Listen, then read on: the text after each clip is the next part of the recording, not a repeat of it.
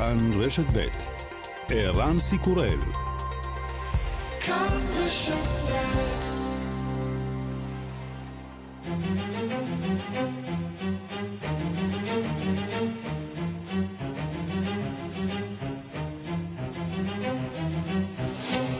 השעה הבינלאומית 8 בדצמבר 2019 והיום בעולם. אסון כבד בניו דלהי. Some breaking news that we are getting this morning and a massive fire has taken place at Delhi's uh, Anaj Mandi where unfortunately 30... מפעל תיקים עלה באש, לפחות 40 בני אדם נספו בשרפה. האירוע שב ומעלה לסדר היום את סוגיית התשתיות והפיקוח על הבטיחות בהודו. קוריאה הצפונית מכריזה כי ביצעה ניסוי משמעותי מאוד באתר השיגורים בצפון מערב המדינה. בארצות הברית חוששים שפיונגיאנג נערכת לשיגור נוסף של טיל בין יבשתי עוד לפני סוף השנה. הנשיא טראמפ שומר על אופטימיות.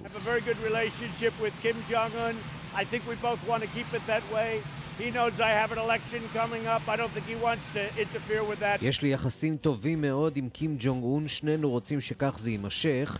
הוא יודע שיש לנו בחירות ואני לא חושב שהוא ירצה להתערב בהן. עסקת חילופי האסירים בין איראן לארצות הברית, איראן מחזירה סטודנט שנחשד בריגול. ארצות הברית משיבה את פרופסור מסעוד סולימני, חוקר בתחום תאי הגזע, שעל פי החשד ניסה להבריח חומרים לאיראן חרף הסנקציות האמריקניות. علمیه اونا دانش ما میترسن اونا هیچ ما نمیترسن به خاطر همین بعد המעצר שלי נעשה לתוחלת אחת לעצור את הקדמה המדעית שלנו, טען העציר המשוחרר. הם חוששים מידע, הם לא חוששים משום דבר אחר. לפיכך עלינו להעצים את עצמנו בתחום המדעים ככל יכולתנו, חרף הניסיונות של אויבינו. בית המשפט בניגריה ידון השבוע בעניינם של 47 הומואים שנעצרו בשבוע שעבר במסיבה פרטית במלון. חברי הקהילה הגאה בניגריה מלינים על יחס משפיל שנובע מהחוק שאוסר על הומוסקסואליות.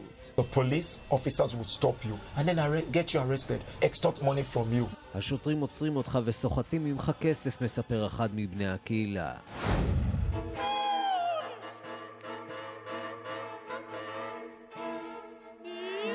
כך כנראה נשמע תקרת זכוכית כשהיא מתנפצת באולם גדול. האופרה של וינה תעלה היום בפעם הראשונה בתולדותיה את אורלנדו, אופרה שהלחינה אולגה ניוארט, כן, אישה. התוצאה לא עושה הנחות לשום מאזין.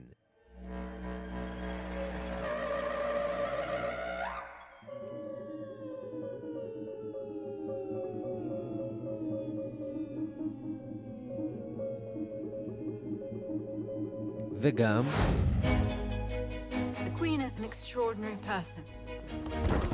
They were all staring, weren't they? I can tell even if I can't see, and I heard the word fat, fat, and, and ugly. No one but me would dare, and I did not. בברלין הוכרזו אתמול הזוכים בפרס האוסקר האירופי. הסרט הזוכה הוא המועדפת, דרמה היסטורית שחורה וגאה בכיכובה של אוליביה קולמן. קולמן מגלמת את אן מלכת בריטניה. לרוב הצופים היא מוכרת יותר כאליזבת. מן העונה השלישית של הכתר בנטפליקס. My dear friend, how good to see you've returned from hell. I'm sure you shall pass through it one day.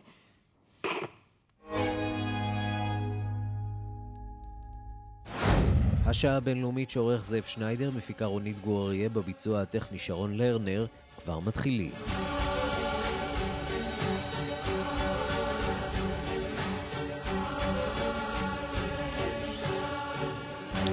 שלום רב לכם, חג המולד מתקרב, איתו המתנה שקוריאה הצפונית מאיימת לשלוח לארצות הברית. אם זו לא תפסיק אה, את ההתנהגות העוינת שלה כלפי פיונגיאנג כלשונה, הלילה מציינים בקוריאה הצפונית ניסוי מוצלח במתקן שיגור לווייני. שלום לכתבת חדשות החוץ מאיה רכלין. שלום ערן, אז מלבד אה, העובדה שהיה ניסוי משמעותי, שעבר בהצלחה מסחררת, כמו שמצהירה התקשורת בקוריאה הצפונית, אנחנו לא יודעים יותר מדי. זאת אומרת, פיונגיאנג טוענת שהניסוי מציג שינוי אסטרטגי במעבדה, אבל לא מאוד ברור מה הם בדקו או איך? יש כבר מומחים בליסטים שטוענים שכנראה נבדק אה, מנוע של טיל ולא בוצע אף שיגור, כיוון שבמצב כזה אחת השכנות, קוריאה הדרומית או יפן, כבר הייתה מבחינה באיזשהו טיל. עוד פרט uh, עליו מדווחים בתקשורת הקוריאנית הוא שהניסוי נערך במתקן השידור סוהה בערב המדינה, אותו מתקן שעל פי גורמים אמריקנים קים ז'ונג און הבטיח לסגור. מדובר בעוד איום חריף מאוד מהמעצמה הגרעינית. ערן, אנחנו מתקרבים לסוף 2019 ולמועד שהציבה קוריאה הצפונית לארצות הברית. עד אז צריכה וושינגטון לבחור בדרך חדשה ביחס לפיונג יאנג, או שהיא תקבל, כמו שאמרת, אה, מתנה לא מאוד נעימה לחג המולד. בארצות הברית, נזכיר, עדיין מתנים את הצהרת העיצומים מקוריאה הצפונית בפירוז מוחלט שלה מנשק גרעיני, ולכך קים ג'ונג און מתנגד כמובן בתוקף. רק אתמול השגריר הקוריאני לאו"ם הצהיר שפירוז קוריאה מנשק גרעיני הוא לא חלק בכלל מהמשא ומתן עם האמריקנים, והוסיף שאין צורך בשיחות ממושכות בנושא. נשיא ארצות הברית דונלד טראמפ, מנגד, עדיין מסרב לאבד תקווה. נשמע. Well, we'll see about North Korea. I'd be surprised if North Korea acted hostilely. I have a very good relationship with Kim Jong-un. I think we both want to keep it that way. The relationship is very good, but, you know, there is certain hostility. There's no question about it. נראה לגבי קוריאה הצפונית, היה מופתע אם היא תפעל בעוינות, אומר טראמפ לעיתונאים בסוף השבוע, יש לי יחסים טובים עם קים ז'ונג און, ושנינו נשמח לשמר עליהם, נשמר אותם כך. עם זאת, מודה נשיא ארצות הברית, יש עוינות מסוימת, ובכך אין ספק. מכל מקום, אה, התקרבות בין קוריאה הצפונית וארצות הברית, אפילו הסכם אפשרי בין, ביניהן, זה נראה כרגע כמו לא יותר מחלום. כמו שציינו, קוריאה מאיימת לשלוח לארצות הברית מתנת חג מולד לדבריה שתספק מענה הולם למדיניות האמריקנית. ואחרי הניסוי שנערך שם הלילה אירן, זה לא נראה שפיונגיאנג אה, מתכוונת לשלוח לבית הלבן כרטיס ברכה או איזשהו בקבוק שמפניה. וכשהנשיא טראמפ אה, מדבר על כך שגם קים ג'ונג און יודע שהנשיא טראמפ בשנת בחירות, מדובר כאן אה, ברמז אה, מאוד מאוד עבה לכיוונה של אה, פיונג יאנג. אנחנו נכנסים עכשיו לשנת בחירות. אל תפריע לי. כל ניסיון שלכם להפריע, לנסות להיכנס וגם לגרום לכל הניסיונות ההתקרבות עם, בין קים ג'ונג און לבין הנשיא טראמפ להיראות באור שלילי. בשנת הבחירות. זה כמובן לא משרת את uh, הנשיא טראמפ. זהו, מה... צריך להזכיר, ערן, שבאמת uh, קוריאה הצפונית הייתה אחד מ... אה, מהנקודות החשובות שטראמפ מאוד קיווה לנפנף בהן כהישג חשוב למדיניות החוץ של ארה"ב, כרגע זה נראה די תקוע. מאיה רכלין, כתבתנו, תודה. תודה. ושלום לכתבנו בוושינגטון, נתן גוטמן. שלום ערן. אז איך מגיבה ארצות הברית לשיגור האחרון מכיוונה של קוריאה הצפונית? כמו שאנחנו רואים עם האירועים האחרונים, עם ההסלמות האחרונות מצידו של קים, ארה"ב בוחרת תמיד אה, שלא להגיב בצורה תקיפה, אנחנו שמענו את דבריו של הנשיא טראמפ, בסך הכל אה, הממשל של טראמפ נותן חבל מאוד ארוך לקים אה, ז'ונגון בנושא הזה, משתדל שלא לבחור באף אחת מהנקודות האלה כנקודת עימות, ולכן הצפון קוריאנים בסופו של דבר הם כל הזמן רק הולכים צעד אחד נוסף עד שהם ישיגו את המטרה שלהם. כפי ששמענו, חלק מזה זה כמובן שיקול פוליטי של הנשיא טראמפ, שלא רוצה להתעמת ערב בחירות עם אה, הצפון קוריאנים. חלק מזה זה גם קשור לעובדה שטראמפ בסופו של דבר נתן את כל מה שיש לו לתת כבר במפגש הראשון שלו עם קים, וכרגע בסופו של דבר המשא ומתן הזה לא הולך לשום מקום. הנציג של אה, אה, צפון קוריאה באו"ם אמר אך השבוע שפירוז גרעיני אינו עומד על הפרק, כך שאין איזושהי דרך מבחינת האמריקנים לקדם את זה. הנשיא טראמפ מבחינתו הוא קבע רף מאוד נמוך להצלחה מול קוריאה הצפונית, הוא אומר כל העת עובדה שהם לא תוקפים אותנו בשלב הזה, הם, ושהם לא הם מסכנים אותנו, ושאין מלחמה. אז אם זה הרף, כנראה שבינתיים הדיפלומטיה ממשיכה, אבל אין ציפייה למשהו מעבר לזה. אפשר להניח שמי שיתקוף אותו זה דווקא המחנה הדמוקרטי. כאמור, אנחנו בשנת אה, בחירות והנושא הזה יעלה אה, בסך השיקולים של הנשיא טראמפ להמשך אה, נשיאותו. ודאי שזה יעלה. לא נושא, שוב, לא נושא מאוד מרכזי, כי נושאי מדיניות חוץ אינם בהכרח הם, הם משמשים נושא מרכזי במערכת הבחירות, אבל כן, מבחינת הנשיא טראמפ, הוא מתכוון להציג את ההישג הזה, את לחיצת היד עם קים כהישג, ואגב להרבה מה, מהבוחרים שלא עוקבים מקרוב מאוד, זה נראה באמת כהישג. הדמוקרטים תקפו אותו אז ויתקפו עוד יותר במערכת הבחירות על הכניעה המוחלטת בפני הרודן הצפון קוריאני.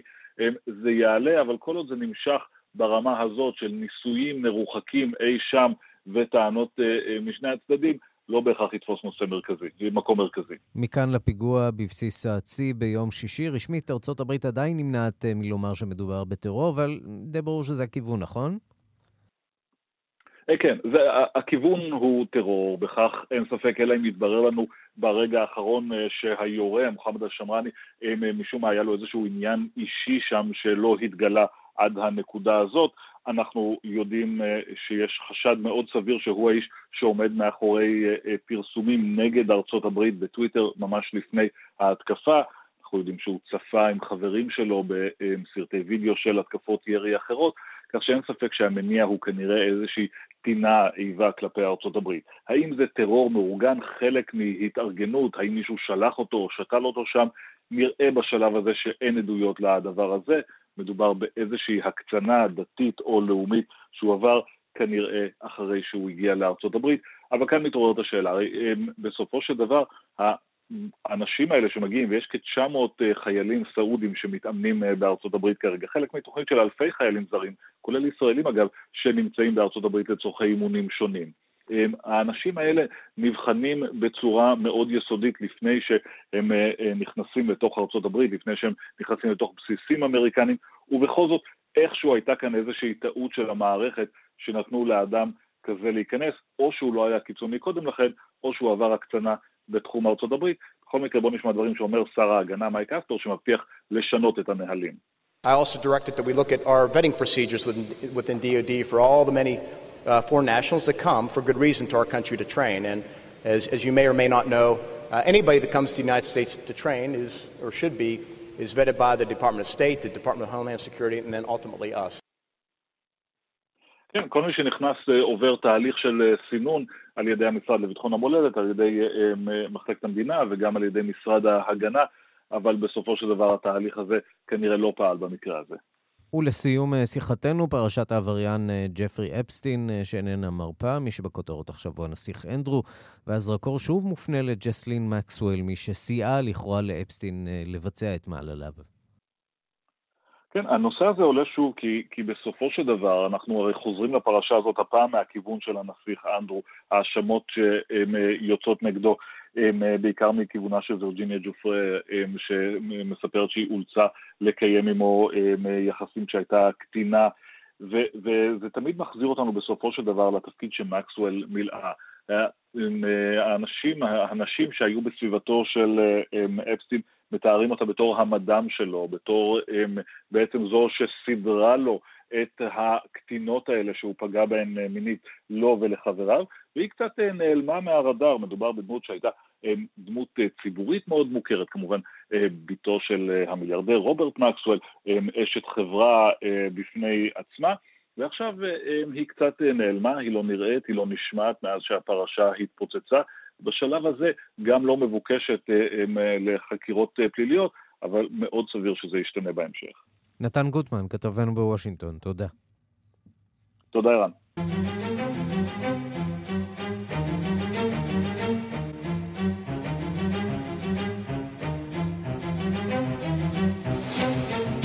הונג קונג עכשיו, מאות אלפים פוקדים היום את רחובות הונג קונג בהפגנת ענק לציון חצי שנה למחאה הפרו-דמוקרטית. שלום לכתבת חדשות החוץ נטליה קנבסקי. שלום ערן. זה נראה, צריך לומר, אה, יחסית עדיין אה, בשליטה. אנחנו ככה עוקבים אחר התמונות שהן מגיעות משם. הרחובות אמנם אה, חסומים, נישאים נאומים, אבל בסך הכל, לפחות היום, זה נראה יחסית שלב. זה נראה שלב, אכן כך, אבל כבר ראינו את ההפגנות שככה התחילו ב- בשלום, ואז המצב הידרדר לקראת סוף התהלוכה. אה, המפגינים טוענים כעת, ערן, שזאת ההזדמנות האחרונה של, של הרשויות לשמוע לעם, לעשות את אשר דורשים המפגינים הפרו-דמוקרטיים מתחילת המחאה הזאת. בואו נזכיר, המחאה הזאת החלה בחודש יוני, לאחר שהממשלה של העיר האוטונומית ניסתה להעביר את החקיקה המאפשרת הסגרת נחקרים לכמה מדינות, בהן סין יבשתית, תושבי הונג קונג וראו בכך ניסיון של בייג'ין לגזול מהחופש שלהם, וכך החלו שם ההפגנות הראשונות שהיו שלוות בהחלט. בהתחלה, אך מהר מאוד עלו מדרגה כי הממשלה, והעומדת בראשה כמובן קרי לאם, לא מיהרו לתת מענה למוחים, כוחות המשטרה עשו שימוש כל הזמן בכוח אה, לפיזור ההפגנות, וכך רק חיזקו את ידם של המפגינים כמובן. בחודש יולי הודיע לעם על ביטול אותה הצעת חוק ההסגרה, אך הצעד הזה כמובן בא מאוחר מדי, הוא לא היה מספק. המפגינים ממשיכים מאז לצאת לרחובות העיר בדרישה לקיים חקירה שקופה ובלתי תלויה של אלימות המשטרה. הם דורשים גם לשחרר את כל אלה שנעצרו בהפגנות וגם לאפשר בחירות ישירות בעיר האוטונומית. תמונות של עימותים אלימים עם המשטרה סובבים מאז את העולם כולו, אך ראש הרשות המבצעת ממשיכה אה, בקו הזה, היא נשארת אטומה לדרישות המוחים, מלבד אה, אותו ביטול של החקיקה השנויה במחלוקת, היא לא נקטה עד כה שום צעד מעשי. בואו נשמע מה אומר אתמול לקראת ההפגנה של היום מפקד משטרת הונג קונג, טרי, בתפקיד הזה, קריס טאנג. So um, for the uh, procession um, of tomorrow, I really hope that it will be conducted in a peaceful manner. I think apart from me, this is the hope of the Hong Kong people that uh, the protest will be conducted in a peaceful way. כולי תקווה, הוא אומר שההפגנה מחר, כלומר היום, תהיה שקטה. תעבור בשלום. אני חושב שלכך מקווים גם תושבי הונג קונג. במקרה שתהיה אלימות כלשהי, שריפות, פצצות תבערה, פריצה לחנויות, אנחנו ננקוט בצעדים נחושים, טוען מפקד משטרת הונג קונג ומוסיף שהם בכל זאת ינסו אה, לנהוג באיפוק, זה מה שאנחנו רואים עכשיו, אה, המשטרה בכל זאת אה, מנסה לנהוג באיפוק, מה שאנחנו לא רואים עד עכשיו היא התגובה של קרי לאם, היא נשארת ממש אטומה, היא לא יוצאת עם הודעה כלשהי.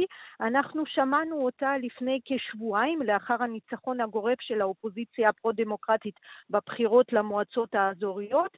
היא, היא אמרה אז שהיא אכן תקשיב לרצון העם, אך מאז ערן לא קרה שום דבר.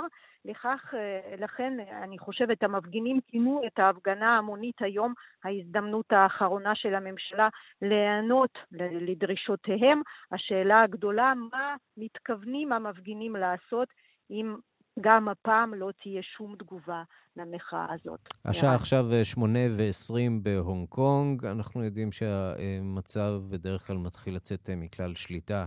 בשעות מעט אה, מאוחרות יותר. נקווה שיישאר שם אה, שקט. נטליה קנבסקי, תודה. תודה, ירון. השעה הבינלאומית, חמישה ימים לבחירות בבריטניה. המועמדים עושים מאמצים האחרונים לשכנע את הציבור לתמוך בהם. ביום שישי התקיים העימות האחרון בין קורבין לג'ונסון, וגם בו לא נרשמו רגעי שיא כלשהם. הציבור בבריטניה ייאלץ עכשיו לבחור בין שני מנהיגים לא פופולריים, כשלאחד מהם יש בעיית אמינות קשה, והשני מתקשה להשתחרר מהתדמית האנטישמית שדבקה במפלגתו. שלום לכתבנו בלונדון, עידו סואן. שלום ערן, אז כן מרגישים כבר את uh, תחילת uh, סוף הקמפיינים. Uh, היום ובימים הקרובים מסיירים המועמדים השונים לאורכה או לרוחבה של הממלכה, כשכל מפלגה מתמקדת בהיבט אחר של המצע שלה. השמרנים מבטיחים להציג מדיניות הגירה שתתבסס על שיטת ניקוד, כמו זו שבאוסטרליה. הלייבור דווקא מתמקדים בהבטחה לקיפול חינם לקשישים.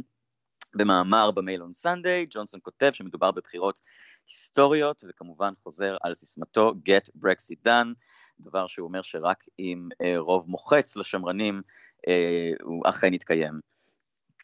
אה, כמו שאמרת, בעימות שהתקיים בין שניהם, אה, דווקא קורבין התמקד בנושאי רווחה וכלכלה, נגד הקיצוץ שהנהיגו השמרנים בתקופת שלטונם, ובאמת אולי הרגע הדרמטי היחיד שבכל זאת נרשם היה כשקורבין חשף אה, מסמך שחובר על ידי מחלקת האוצר, מיד אחרי אה, ההגעה להסכם עם האירופאים, שמראה שבניגוד למה שג'ונסון טוען, דווקא כן התקיימו בדיקות על סחורות בין צפון אירלנד ובין בריטניה, ג'ונסון כמובן מכחיש את הנאמר במסמך, הוא גם אמר את זה אתמול בתוכנית של סופי רידג'. אה, קיר סטארמר, שמטפל בנושא הברקסיט מטעם הלייבור, אמר שג'ונסון כנראה לא קרא את המסמך, או שהוא משקר, או שכנראה שניהם. בואו נשמע מה ג'ונסון ענה אה, לסופי רידג' אתמול, ששאלה אותו אה, על המסמך. וטענה שהוא אה, בעצם אומר את האמת ושואלת אותו האם הוא היחיד שאומר את האמת וכולם משקרים, בואו נראה מה הוא אומר בנושא האמינות. People go on and on about trust. I think the trust has been undermined in this country, and trust in politics has been undermined, but it's been undermined by people who, for three and a half years, as you said yourself, promised to deliver Brexit and then didn't. And Parliament has held Brexit up. That's why we have to have this election. We have to have this election to fix this broken Parliament and move forward. אנשים מדברים על אמון, אני חושב שהאמון בפוליטיקה יתערער בעקבות שלוש וחצי שנים בהן הובטח ליישם את הברקסיט, ההבטחה לא התממשה, הפרלמנט עצר את זה, לכן אנחנו חייבים שיהיו לנו את הבחירות הללו, ואנחנו צריכים שהבחירות הללו יתקנו את מה שהפרלמנט בעצם מנסה לעשות, ובעצם להתקדם הלאה. וחרף בעיות האמינות, הסקרים מצביעים על ניצחון צפוי לג'ונסון, גם אם לא ניצחון שיאפשר לו להרכיב ממשלה לבד, בכל זאת ניצחון. זה נכון, כן. כל פער מתחת לשבע נקודות משמעו באמת פרלמנט חצוי ללא רוב, ובאמת נצטרך לראות, ערנים, בימים הקרובים מה שעשוי להשתנות. כמובן שיש גם את נושא המושבים המתנדנדים, כל הנושא הזה של, של לא ברור כרגע לאן כל מיני מחוזות בחירה הולכים, האם הם לייבור, האם שמרנים, האם הליברל דמוקרטס הולכים לקחת אותם, וזה דווקא מאוד משמעותי, כי יש המון מושבים כאלה שעשויים להטות את הכף לטובת או לרעת פרל... רוב הפרלמנט לשמרנים, כך שלא ניתן לומר באמת בבטחה אם אכן השמרנים ישיגו את הרוב הדרוש. ג'ונסון לא ממש ענה על השאלה האם הוא יתפטר במידה ולא יושג רוב כזה, הוא כמובן התחמק מהשאלה הזאת, אבל כרגע זה נראה שסיכוי גדול שדווקא כן יהיה לו את הרוב הזה, אלא אם כן יקרה משהו מאוד מאוד דרמטי בימים הקרובים. עידו סואן, כתבנו בלונדון, שבוע ארוך של חדשות לפניך. תודה רבה על הדברים. בהחלט. תודה, ערן. ימים מכריעים במחאת הענק החברתית נגד תוכנית חוק הפנסיה החדשה בצרפת, שתוצג ביום רביעי. הממשל של הנשיא מקרו מקיים התייעצויות קדחתניות לאחר שאתמול היו הפגנות נוספות ברחבי המדינה המשותקת זה היום הרביעי. שביתת הרכבות והתחבורה הציבורית נמשכת במלוא היקפה, וביום שלישי צפויה מחאת ענק כלל ארצית שמארגני הצופים כי השתתפו בה מיליוני אזרחים. דיווחו של כתבנו בפריז, גדעון קוץ. הנשיא עמנואל מקרון יכנס הערב למושב חירום את הקבינט החברתי של הממשלה, ומחר יצטרפו אליהם מנהיגים אחרים של הרוב הנשיאותי לפני המפגש מחר עם האיגודים המקצועיים שנועד להיות האחרון לפני פרסום התוכנית המעודכנת של חוק הפנסיה על ידי ראש הממשלה אדואר פיליפ ביום רביעי. אבל בין לבין מצפה לו ולנו ביום שלישי עוד יום אחד של מחאת המונים כללית ברחבי המדינה, שמאיימת להיות הגדולה מכולן, יותר גדולה אפילו מהמחאה ההיסטורית ביום חמישי האחרון. האם הממשל הצרפתי הנוכחי ייכנע במקום שבו נכנעו כל קודמיו? יריביו הגדולים של מקרון מהימין והשמאל הקיצוני, מרין לפן וז'אן לוק מלנשון, מחכים לו בסיבוב המסוכן הזה.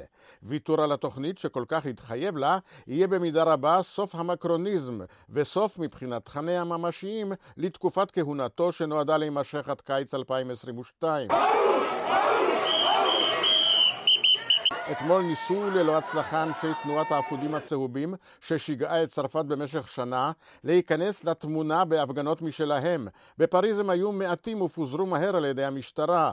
הבריונים שהסתבכו אליהם ניהלו קרבות עם המשטרה בתחנת הרכבת התחתית הגדולה, המרכזית והשוממה, להל, תחת תקרת הזכוכית הענקית של המרכז המסחרי.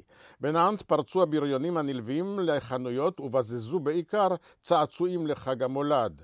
שיתוקה של צרפת בגלל שביתת הרכבות והתחבורה הציבורית יימשך גם היום, והאיגודים השובתים לא קבעו מועד סיום לשביתה, שאליה הצטרפו אתמול גם נהגי המשאיות, שעיכבו את התנועה בכבישים המהירים וחסמו את הכניסות לערים הגדולות.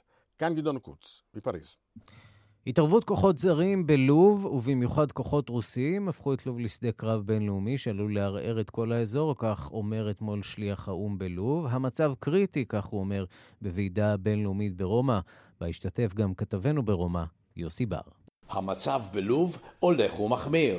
התוהו ובוהו אחרי נפילת קדאפי הפך למלחמה מתמשכת. המדינה שסועה לשניים, הגנרל חליפה חפטר, השולט במזרחה של לוב, החליט לפתוח במלחמה נגד הממשלה הארעית בטריפולי.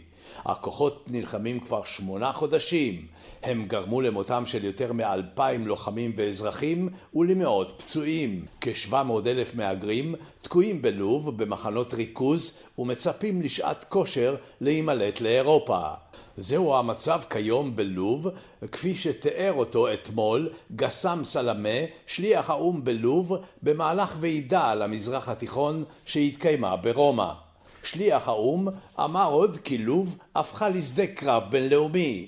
מדינות זרות, ובהן רוסיה, ארצות הברית, אנגליה, טורקיה, צרפת, מצרים, איטליה ואחרות, שיגרו חיילים ונשק ללוב. זהו מצב הזוי שעלול להביא לא רק להריסתה של לוב, אלא לערעור המצב בכל האזור, אומר גסם. I fear instability in Egypt, in Tunisia, in Algeria, in all neighboring countries, and these countries taking in Niger, in Chad, שליח האו"ם חושש מגירוש מסיבי של מאות אלפי מהגרים למדינות השכנות ובהן איטליה. בעוד יומיים תתקיים בברלין ישיבה ליישוב הסכסוך בלוב. סלמה קורא לכל המדינות שרוצות להשתלט על הנפט הלובי למצוא פשרה ביניהן לפני שיהיה מאוחר מדי. כאן יוסי בר, רומא. אנחנו נשארים באותו אזור. יוון גירשה דיפלומט לובי על רקע הסכם שנחתם בין טורקיה ללוב. אתמול ארדואן אומר שהוא אה, והשלטון שלו הצליחו לסכל מזימה ישראלית, קפריסאית, יוונית, מצרית, להשתלט על מזרח הים התיכון. הסיפור כרגע כמובן הוא מי שולט על מזרח הים התיכון. שלום לדוקטור חי איתן כהן ינרוג'ק. שלום שלום, צהריים טובים. מומחה לטורקיה ממרכז משה דיין באוניברסיטת אה, תל אביב. אז בואו נתחיל אולי באמת עם ההסכם הזה, הסכם שנחתם בין uh, טורקיה ללוב, שמה mm-hmm. מהותו בעצם? אוקיי, okay, אז uh, ההסכם הזה נותן לטורקיה איזשהו בסיס בחוק הבינלאומי. ברגע שטורקיה חותמת הסכם עם ממשלת לוב, שכן מוכרת על ידי כל העולם כממשלה הלגיטימית של ש, ש, ש, ש, ששולטת בלוב, אז uh, טורקיה פשוט חותמת על איזשהו הסכם בילטרלי, וכתוצאה מכך היא מכריזה שיש פה איזשהו גבול ימי שחותכת, ש, שהגבול הזה בעצם חותך את המים הטריטוריאליים של יוון ושל קפריסין. בסופו של דבר, אם אנחנו נפנטז, אם אנחנו נחשוב על איזשהו אה, צינור גז שיוצא מישראל לקפריסין, מאוחר יותר, שזה פונה מערבה מקפריסין לכריתים ומכריתים ליוון, אז בין קפריסין לכריתים, אז טורקיה בסופו של דבר נכנסת למסדרון וחותכת את אה, קו הצינור הגז העתידי שעומד, שאנחנו עומדים להקים. זה בסופו של דבר משחקי כס, ולמרות העובדה שהממשלה הלובית רק שולטת בחלק מאוד קטן של הלוב, ואפילו היא לא שולטת על החופים שהיא חתמה עליהם הסכם. כלומר, אה, כשאנחנו מסתכלים על המפה, אה, ממשלה לובית שנמצאת רק במערב של לוב, אומרת בהסכם שיש גבול ימי מטוברוק, כלומר מזרח של לוב, מול חופי, ה, מול חופי הטורקיה. אה, mm-hmm. ובאמצע, ובאמצע, בין, בין באמצע של לוב וטורקיה יש איזשהו אי יווני מאוד, מאוד קטן בשם mm-hmm. קסטלוריזו, ובסופו של דבר הטורקים עם ההסכם החדש הזה הופכים את קסטלוריזו, שמים את קסטלוריזו בתוך uh, המים הטריטוריאליים טורקים והופכים אותו לסוג של מובלעת באמצע הים האגאי. הקפריסאים היוונים והיוון עצמה בסופו של דבר הם בשום פנים ואופן לא מקבלים את הגרסה הזאת. מזווית הראייה שלהם, האי הזה, קסטלוריזו, זה חלק בלתי נפרד באופן, אה, אה, באופן רציף, זה חלק בלתי נפרד של המים הטריטוריאליים היווניים. Mm-hmm. אז בסופו של דבר יש לנו פה איזשהו ויכוח פוליטי, איזשהו עשיית שרירים, מה שנקרא, שארדואן עכשיו מנסה לקבוע עובדות על השטח לצד הצי הטורקי, הוא גם עכשיו מנסה uh, לגייס את החוק הבינלאומי כדי בעצם לחזק את העמדה שלו מול כל העולם. שיש באמת כמה גורמים שפה מתנגדים למהלך הזה, כמובן יוון, קפריסין, ישראל, נכון. מצרים שיש לה יחסים מתוחים מאוד עם טורקיה, נכון. וכמובן השליט האמיתי במזרח לוב, שלמעשה לא ייתן שפטש. דריסת רגל, כן, לא, לא ייתן דריסת רגל לטורקים. נכון, במיוחד בלוב, חפטר וטורקיה הם כמעט הכריזו זה על זה מלחמה, טורקיה לא מכירה ב, בישויות, בישות של, של חפטר, כנ"ל גם נכון עבור הממשלה של עבדול פתח סיסי במצרים, בגלל העובדה שסיסי הגיע לשלטון עם הפיכה צבאית, טורקיה מסתכלת בשלטונו של סיסי בעין רעה מאוד.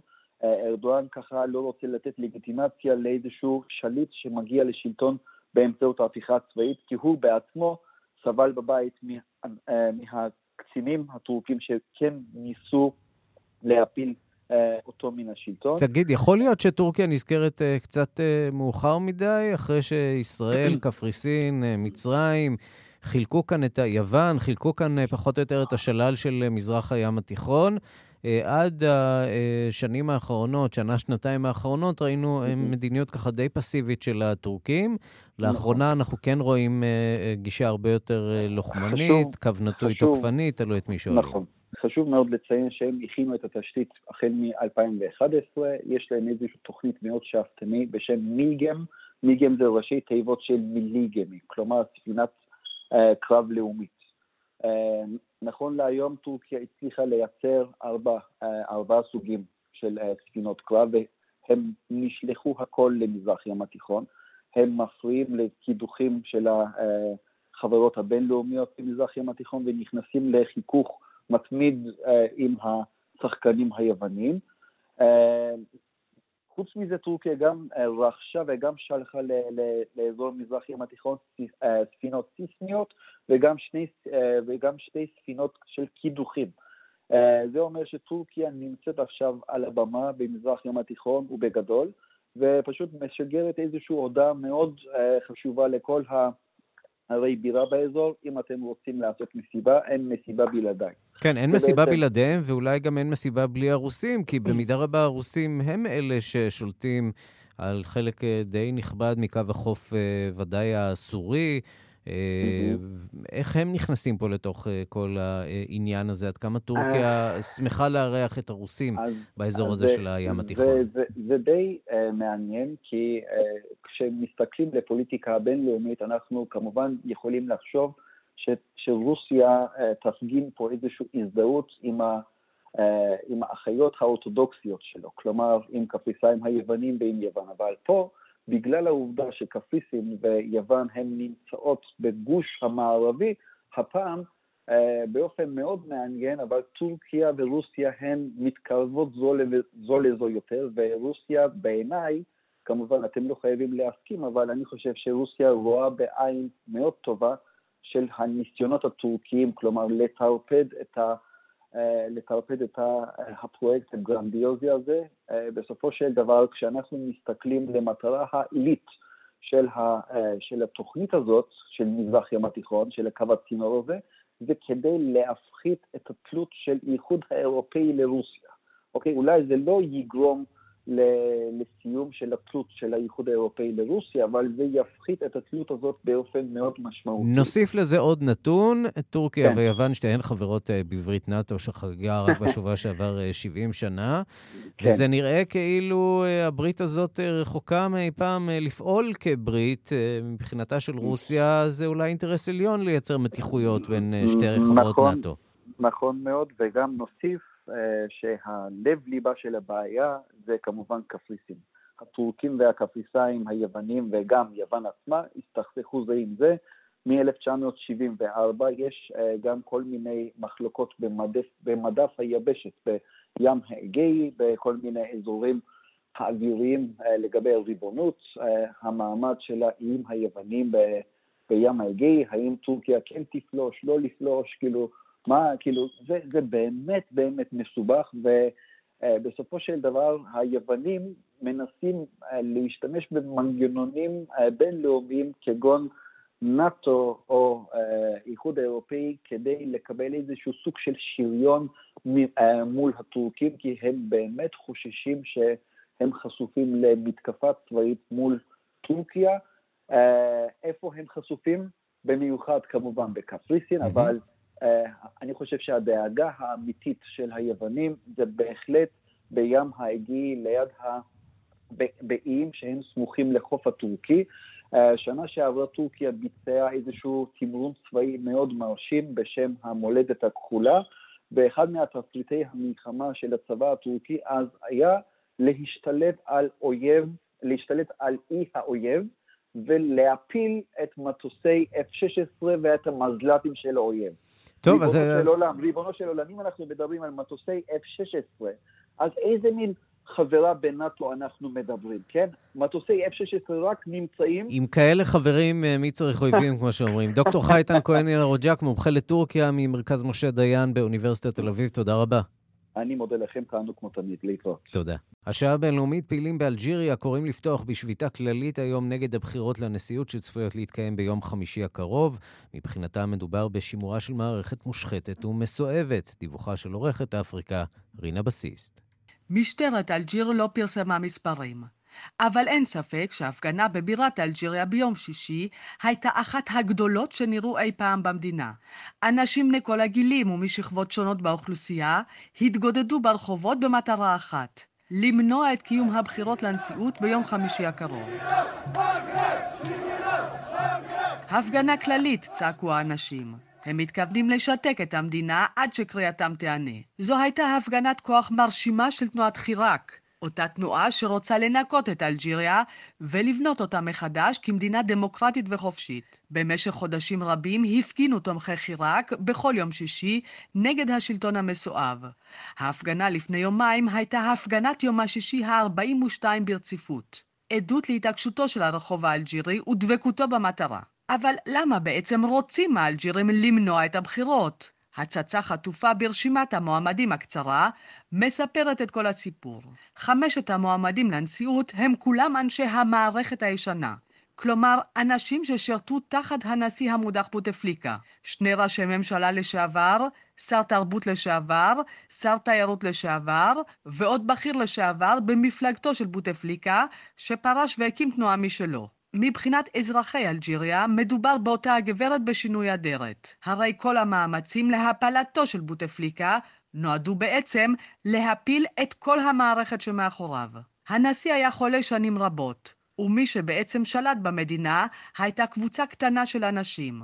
הם היו אלה שמשכו בחוטים. לפובואר, הכוח בצרפתית, כך קראו להם האלג'ירים. המפגינים קיוו שהדחתו של בוטפליקה תפיל את כל המערכת שעמדה מאחוריו, אבל מתברר שלא כל כך פשוט להפיל אנשים שהחזיקו במושכות השלטון זמן רב כל כך. אחיו של הנשיא המודח אומנם נעצר ויעמוד למשפט, אבל בינתיים מסרב סעיד בוטפליקה לומר מילה. הוא איננו מתכוון להפליל לא את עצמו ולא את מרעיו. אתמול נפתחו הקלפיות בקונסוליות של אלג'ירה ברחבי העולם. התפוצה האלג'ירית נקראה לקלפיות. אבל בפריז למשל, רק מעטים הגיעו להצביע.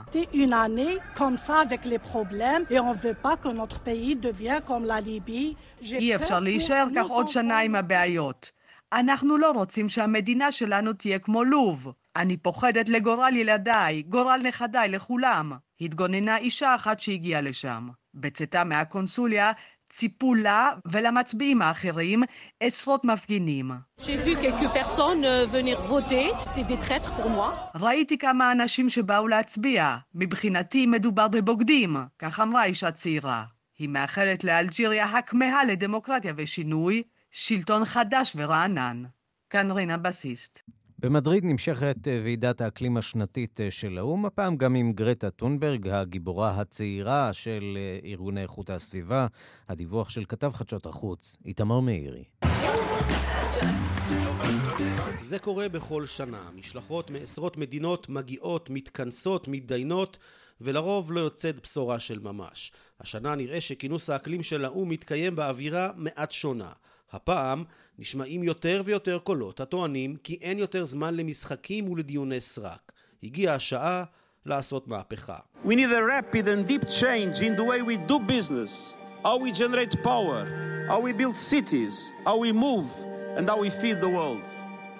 If we don't urgently change our way of life, we jeopardize life itself. אנו זקוקים לשינוי מהיר ועמוק בדרך שבה אנו עושים עסקים, מייצרים אנרגיה, בונים ערים ומאכילים את העולם. אמר מזכ"ל האו"ם אנטוניו גוטרש בכינוס הפתיחה של הוועידה. אם לא נשנה בדחיפות את אורח חיינו, אנו מסכנים את החיים עצמם. לפי דוח של ארגון המטאורולוגיה העולמי, העשור הזה היה החם ביותר מאז המצאת המדחום. הכתבים מפשירים בקצב מסחרר, גלי חום ותופעות מזג אוויר קיצוני מכים כמעט בכל פינה בכדור הארץ. מערכות אקולוגיות שלמות נהרסות. This is a polar bear. You will recognize him. A small boy, David, recently visited my office and when he saw the crystal chandeliers in the Hofburg Palace in Vienna, his eyes lit up. But he also told me we have to save electricity and energy, otherwise the polar bears will die. זה דוב קוטב, אמר נשיא אוסטריה, אלכסנדר ונדרבלן, מחזיק בידו בובה של החיה שהולכת ונעלמת מעולמנו. הוא סיפר שילד קטן ביקר אותו לא מכבר בארמון הנשיאות המפואר והמואר, וביקש שנייצר חשמל בדרך אחרת, ולא, דובי הקוטב ימותו. שני נתונים שנחשפו השבוע לא משאירים מקום לאופטימיות רבה. מי האוקיינוסים כיום חומציים יותר ב-26% מבעידן הטרום תעשייתי. ריכוז הפחמן הדו-חמצני באטמוספירה הגיע לשיא יותר מ-400 חלקיקים למיליון, נתון שאיש לא חזר. שינוי האקלים כרגע האיום הגדול ביותר של המאה ה-21, אמר דיארמיד קמבל לנדרום מארגון הבריאות העולמי. הוא קרא לקיצוץ מיידי בפליטת גזי חממה ולשים סוף לשחיקת מקורות המזון, המים והפגיעה באיכות האוויר. בסיפורי הקומיקס שהמצב באמת נואש וחסר כל סיכוי, פונים לגיבור העל שיציל את העולם. נראה שגם למשבר האקלים שלנו יש גיבורת על משלו. גרטה טונברג, נערת הפלא משוודיה, הגיעה גם היא לחצי האי איברי להשתתף בוועידת האקלים והתקבלה בהתלהבות רבה. I think people are underestimating the force of angry kids. אנשים ממעיטים בכוחם של ילדים כועסים, אמרה גרטה, לעדת העיתונאים והמעריצים שהתקבצה סביבה בנמל ליסבון. אם רוצים שנפסיק לכעוס, אולי כדאי שיפסיקו לעצבן אותנו. אחד האתגרים הגדולים שעומדים לפני משתתפי הוועידה הוא לרתום את המדינות באופן מחייב למאמץ להפחית שרפת דלקים מאובנים ופליטת גזי חממה. זה הסעיף הבעייתי ביותר בהסכם פריז, וגם היום אין הסכמה על מכסת הפליטות. דלית דרור, היועצת המשפטית של משרד הסביבה, נמצאת במדריד. היא סיפרה לנו על המתרחש מאחורי הקלעים. בעוד שמזכירות האו"ם ונשיאות הוועידה משדרות אה, אווירת חירום, הדיונים בקבוצות העבודה ממשיכים להיות כבשנים עברו, לא ממש בהלימה להידרדרות במצבו של העולם. התקרית היחידה שהייתה פה היא כאשר נציגת טובלו, שמייצגת את קבוצת מדינות האיים, זה מדינות שיעלמו מהמפה וכל תושביהם יהפכו לפליטים. מדינת טובלו אה, אומרת לארצות הברית, מי שיצא מהסכם פריז לא צריך בכלל לדבר פה, לא צריך לשכנע, לא צריך להיות חלק מקבלת ההחלטות. ארגון הסביבה האירופי חשף השבוע כי מתוך 35 פרמטרים סביבתיים שבדק, רק בשישה יש שיפור. שישה מתוך 35. המודעות הסביבתית נמצאת כיום בשיא. הבעיה שסדרי העדיפויות של מדינות העולם הם נותרו כפי שהיו.